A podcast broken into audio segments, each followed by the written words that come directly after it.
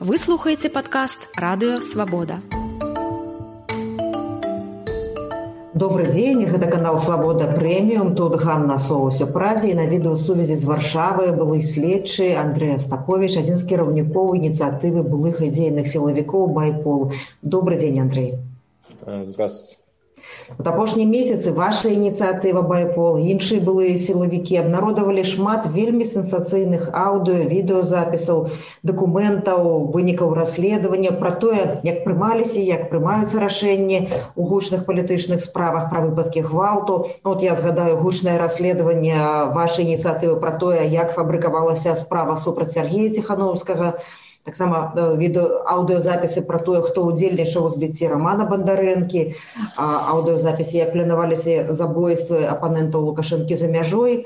Ну вот это і відэо збіцця людзей у розных раусах і э, відэо з турмаў натуральна цяпер ніхто не скажа якім чынам былі атрыманыя гэтыя запісы з прычынаў бяспекі а Але ці можна сказаць, што такая колькасць абнародаванай інфармацыі ёсць сведчаннем раскола ўнутры сілавой сістэмы?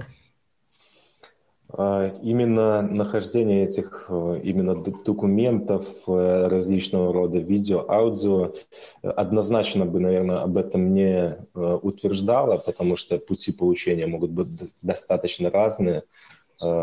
И ну, какие именно уже не хотелось бы действительно об этом говорить вообще. Э, единственное, именно за нашу инициативу я могу сказать, что это достоверные источники, это оригиналы, то есть можно провести различные экспертизы в этом убедиться. Э, каким образом они уже были получены, это уже другая совсем история. Э, но а как о расколе именно стопроцентном я бы это не утверждал, потому что зная, как они были получены, это не дает такую именно э, как показатель и не может являться хотя одной из составных. Э, и ситуация, наверное, больше о расколе свидетельствует уже из того, как ты общаешься с э, теми, кто покинул эти ряды, э, с теми, кто внутри этой системы, э, кто близок к ней – и ты понимаешь, что действительно происходит. О каждом таком вот общении ты не можешь э, написать пост, э, занимаясь, грубо говоря, расследованием таких, как вы сказали, известных дел и так далее. На это не хватает физически времени, но если вот сейчас есть возможность, то могу вкратце объяснить, что имеется вот даже после моего побега, допустим, и того, как меня преследовали, имеется информация о том, что сейчас на каждого следователя э, в Беларуси специально собирается компромат. Папка компромата, его всей деятельности, анализ этой деятельности, делаются запросы со стороны КГБ и так далее, подобных служб УСБ, Э, которые анализируют всю твою деятельность, хотя ты ничего вроде не нарушаешь, но смотрят, какие запросы, как ты проводишь расследование, чтобы в любой момент можно было до тебя доколупаться. Потому что ситуация была такая, что они не успели в отношении меня вовремя сфабриковать никакого уголовного дела. Из-за этого я смог уйти. Э, россияне не согласились долго меня удерживать из-за огласки. Э, оснований для, скажем так, полного этапирования не было. Э, поэтому э, вот так получилось, я смог уйти. Что Теперь значит заведенная хотят... справа? Можно я удокладню? Это mm. значит, что человек не может звольниться, ці может звольниться, mm. але будут некие наступствы, что человек, коли ну, будзе рабіць публічныя заявы таксама будуць наступствы а то есть что человеку съехать будет складана фактычна так э, грубо говоря анализируя я вот доведу всю свою мысль может это будет слишком долго но это я считаю давайте, давайте. очень важным моментом для самих сотрудников сейчас понимать э, и даже для людей э, в настоящий момент э, государство наше при нынешней власти готовится э, и подготавливает именно к огромной, скажем так, и массовой диктатуре во всех областях жизни. Это начиная с твоей работы, э, от того, что ты будешь экономически зависеть, э, от того, что ты будешь зависеть, если ты вдруг уволишься или ты будешь э, что-то не подчиняться, на тебя будут прямо напрямую выдвигать компромат – и какую-то которую, информацию, которую тебя смогут, по крайней мере, запугать. Потому что ну, я работал в этой системе, я понимаю, как расследуют уголовные дела все следователи, и Э, сказать, что у нас тотальное нарушение закона и так далее. Ну, это именно на низах, именно обычные рядовые сотрудники, я такого не замечал. Но э, запугать человека, что вот мы что-то знаем там, и э, ты где-то что-то не так сделал, я думаю, как-то конкретно у них может получиться, имея какие-то запросы, копии, санкции, ну, чтобы быстро это даже, по крайней мере, просто мы можем быстро сфабриковать на тебя уголовное дело. На меня тоже там не одно сейчас сфабриковано, это длительная история, может быть, как-нибудь в дальнейшем я э, смогу это все рассказать более подробно. В настоящий момент не вижу целесообразности. Если уже со стороны государства будут какие-то ходы сделаны, то э, ответочку, скажем так, мы заготовили даже на этот случай. А, и с другой стороны, будет уже прорабатываться моменты даже до лишения родительских прав, до запрета там на садики, э, что будет очередь, и тебя не возьмут, твоих детей там в садик, школы и так далее. То есть все, э, скажем так, социальные а у нас очень социальное государство именно в плане устройства, потому что все сферы у нас, грубо говоря, основные образование, медицина и так далее, это все под государственными служащими. И все это может контролировать государство. То есть все твои самые главные сфере жизнедеятельности тебе, если ты вдруг не преследуешь не интересы политические государства, то тебя могут, во-первых, и не выпустить из страны, и преследовать на этой территории страны даже без уголовного преследования, не давать тебе нормальной жизни. И к этому идет очень тотальная сейчас подготовка. Ну, это атрымліваецца што вот да этих рабскіх умоваў калі да, людзі вельмі многія ў дзелавых структурах маюць вот контракты які з якіх яны з якіх яны не могуць выйти структуры вы говорите не только про силовые структуры а это наверное коснется абсолютно всех людей а именно силовой блок та часть которая будет поддерживать лукашенко и она в действительности есть они будут в шоколаде они будут хорошо э, жить но они Э, скажем так, э, будут э, еще и привязаны к себе максимально сильно, чтобы даже не было мыслей куда-то в сторону уступить, а те, кто сомневается, их будут запугивать. Ну, я действительно говорил намного раньше, чем это стало достоянием о вот этих всех списках, которые за альтернативных кандидатах, кто отдавал подписи. Э, и потом я со всех различных сторон начал, и мои коллеги начали получать подтверждение этой деятельности. Вот я сейчас заявляю о том, что у нас будет, грубо говоря, рабское государство сейчас э, под полной диктатурой, где каждого человека и особенно сотрудников силового блока будут принуждать выполнять, скажем так, и играть по правилам уже незаконным, а какого-то э, ну, тотального государства, или я не знаю, как это правильно даже у себя в голове уложить, но понимая и анализируя все наши источники, э, контроль будет во всем. Ты не сможешь не выехать, не въехать в страну, не, скажем так, отказаться от какой-то работы, ты будешь обязан на нее ходить Э, там, грубо говоря, за э, повторное, там, ну, некоторые вещи не хотелось бы раньше времени говорить, но мы готовимся к этому. Э, будут чуть ли не лагеря созданы опять для каких-то отдельных людей, и всех этих людей будут сильно при, присматривать, а как только ты сделаешь шаг в другую сторону, сразу же применять к нему меры. Э, и эти же меры будут применяться к силовикам намного э, более жестче, чтобы именно за счет их удержания э, поддерживать всю эту систему. То есть это вот такая одна из ситуаций. Там, так, допустим, так, если такі, взять... такі вельмі вельмі змрочны прагноз скажите як на тле гэтага змрочнага прагнозу выглядаюць вось гэтыя ну злівы незлівы якія з'яўляюцца і ці можна ім всім давяраць якія з'яўляюцца ці может быть это інспірацыя каб пусціць не по таму следу каб зрабіць не тыя высновы каб потым абвінаваціць або бо ну калі мы не маем калі звычайны чалавек якіх слуха не мае адказаў там як яны былі атрыманы з якой мэтай гэтая небяспека заўсёды ёсць Як вы глядите на это? Для меня это выглядит э, немного по-другому. Чем ты сильнее сжимаешь кулак, и у тебя какой-нибудь, допустим, песок в нем или э, ну, какая-то субстанция, э, тем больше у тебя повылазит помеж пальцев, как у нас говорят.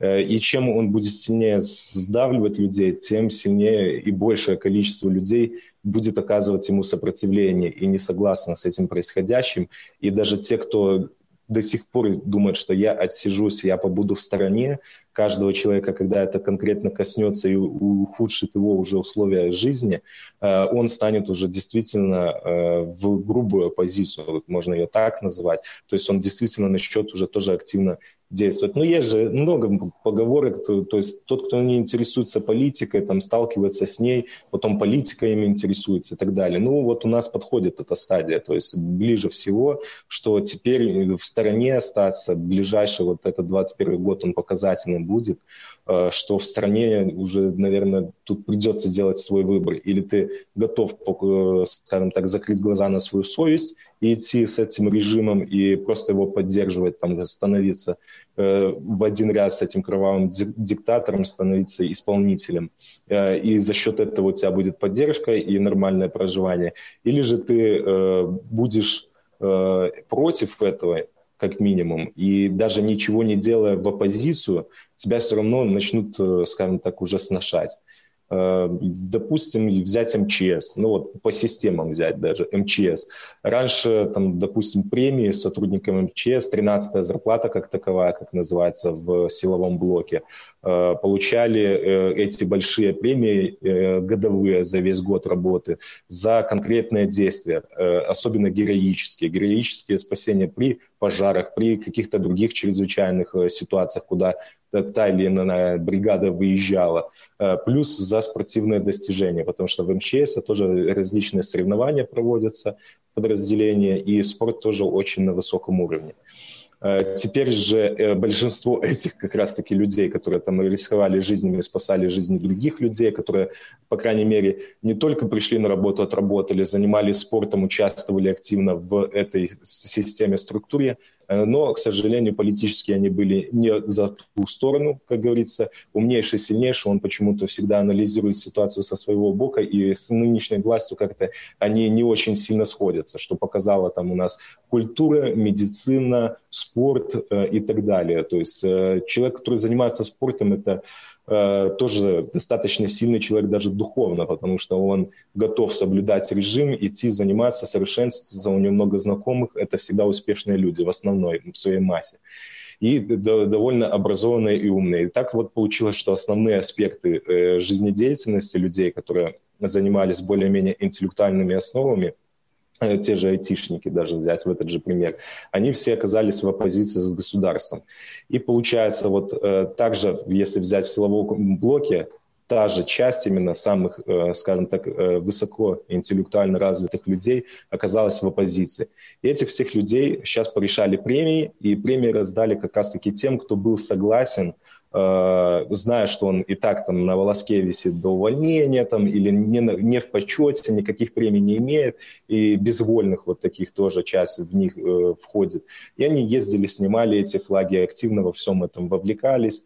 Э, то э, вот эту премию за счет других людей раскинули МЧС э, последнюю годовую эту зарплату между теми сотрудниками, кто все-таки режиму помогал, а те, кто действительно заслуживал, остались с носом. Это, допустим, МЧС.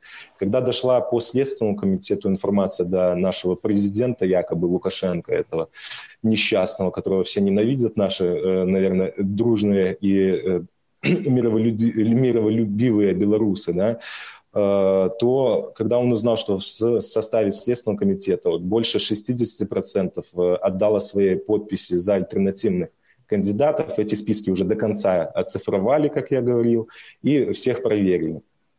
Э, доложили об этом Лукашенко спецслужбы, он, э, и как раз вот в сентябре, примерно к концу года, это вот где я стоял вторым на очереди в жилье uh-huh. в Сенице, должен был дом строиться, он это узнал, и там вдруг э, резко появились деревья, которые не подлежат сносу, из-за экологической. Короче, забраковали выдачу земли. И дом, грубо говоря, строиться для Следственного комитета не будет а будет строиться три целых дома для ОМОНа. То есть вот э, такая а, вот разница, грубо а, говоря. Андрей, я, я хотела еще вас запытаться, вот ты аудиозаписи, відеозаписи, які ми слухаємо тепер, там ну, вельми шмат нецензурної лексики, які становяться от, публічно відомі, і коли говорять высокие начальники, ну, акрамя гэтай нецензурнай лексікі, мы бачым, ну, наколькі простая прымітыўная мова, часам незавершаныя сказы, А ну і складаецца ўражанне, што людзі там ну, з тых жа спецслужбаў, калі гэта галасы тых, на каго яны падобныя, так ну, ці здольныя на нейкія складаныя такія разумныя спецаперацыі, калі ну, на, нават мова, ну прынамсі для журналістаў іхняя мова гучыць вельмі прымітыўна. Як бы вы узровень вот, не то что лексічны ну, так вот я з олегом алкаевым напрыклад учора гаварыла у яго ну ясна ёсць міліцэйскі сленг але як бы яго метафарычная мова ён добра фармулюе свае думкі дакладна ведаю што хоча сказаць слухаючы нейкі іншы запісы ты вот ну губляешься просто дзе пачатак дзе конец а, а як бы вы ацэнілі вось, вось гэты ўзровень культурны адукацыйны у самых розных сілавых структурах честно говоря э с одной стороны, хотелось бы, может, сейчас э, сказать, что да, низкий уровень и все остальное подготовки, но это социальная группа определенная, которая общается именно вот если ты начинаешь с низов работать и постепенно растешь, и вдруг ты стал там председателем Следственного комитета, министром там э, МВД или министром обороны, или там замминистра обороны, без разницы, высокую должность начал Э, такие люди обычно делают, э, скажем, свою карьеру с самых низов.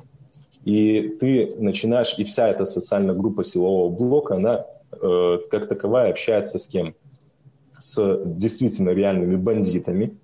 И с, чаще всего, если это там не белые воротничники, не экономика, то с низшими социальными слоями, которые там алкоголики, наркоманы, ну, действительно, я проработал, и алкоголь – это наша большая проблема, даже не наркотики. Наркотики ну, не так часто встречаются. Э, алкоголизм, именно все телесные повреждения, особенно ножевые ранения, это процентов 80-90 – это всегда алкоголь. И наши бедные врачи работают по большей своей части тоже на алкоголе, на все эти телесные повреждения, полученные с алкоголем, допустим. Да? И ты приезжаешь домой, но там действительно притоны, там э, невозможные условия жизни, которые люди сами себе создали и живут в них. У нас эта проблема есть, э, что-то есть, грубо говоря. И ты постоянно варишься в этом. И когда ты варишься с этим негативом, ты приезжаешь, ты этот негатив слышишь. А, ты, как человек, всегда это... Э, ну, как если родители будут при ребенке постоянно материться, ребенок тоже придет в школу и будет материться, грубо говоря. То есть то же самое происходит.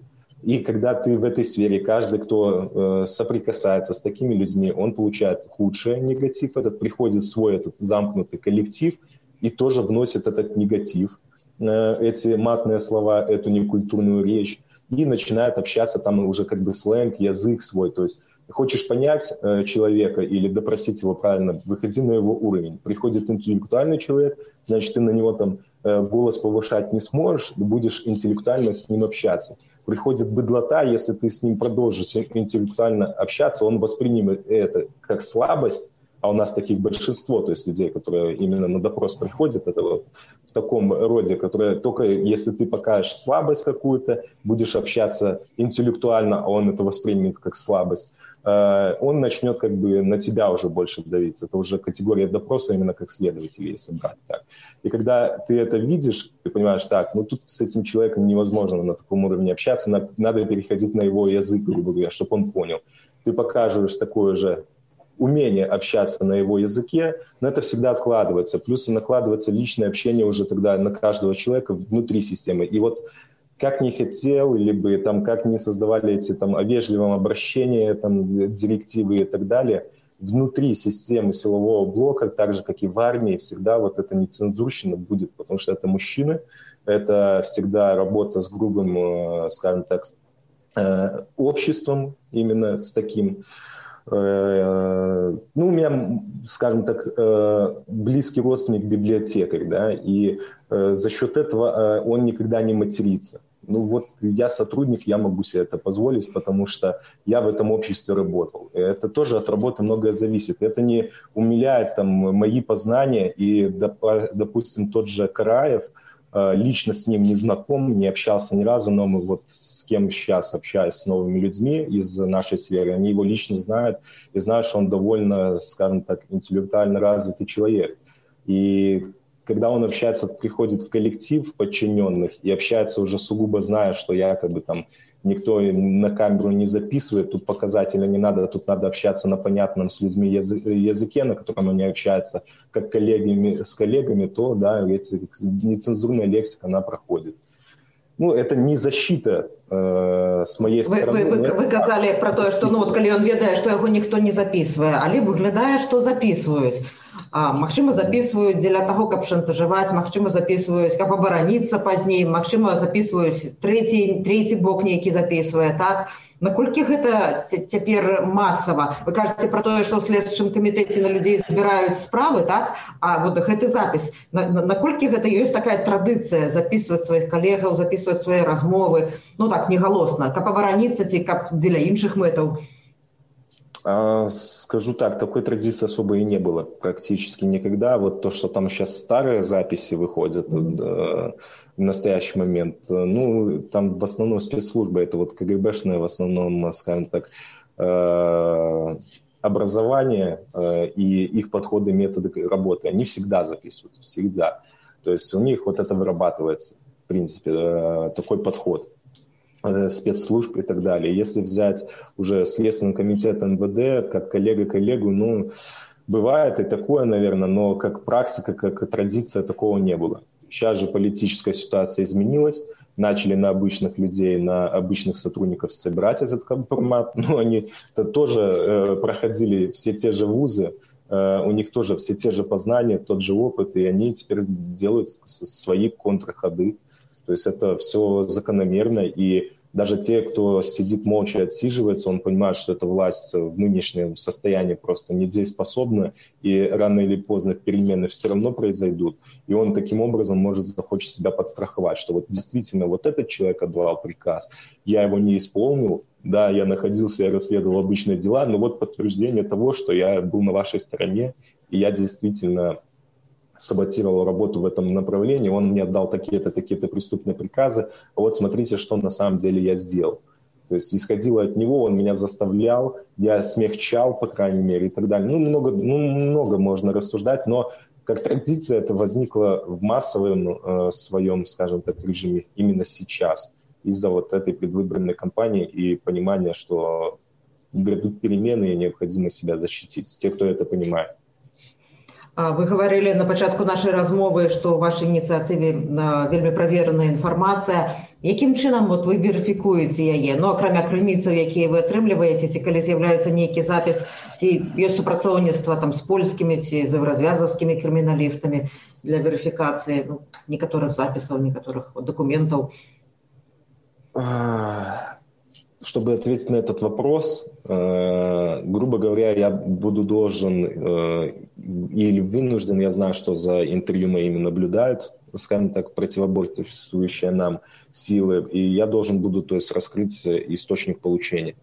Э, это недопустимо, поэтому э, я говорю, можете провести экспертизу. Качество аудиозаписи подлежит э, интервью э, Караева. Он давал под, даже по БТшному очень много по аналогии с расследованием Тубая можно провести экспертизу и убедиться, что это действительно его слова.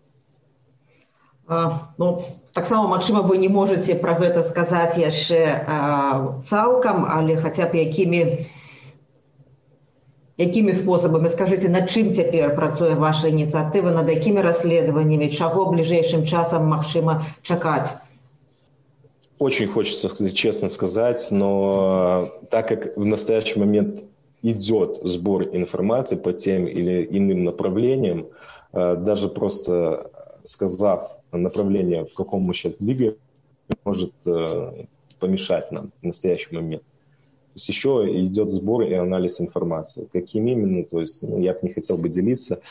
Э, информация довольно интересная, и я думаю, что мы не подведем в ближайшее время, сможем ее предоставить. Это одна часть. Вторая часть, что наше направление – это все-таки не СМИ, а реальные расследования, которые могут быть использованы или же на территории Республики Беларусь, но в настоящий момент это невозможно и нереально. Значит, у нас большая надежда на какие-то международные рычаги, э, именно международное расследование, создание групп.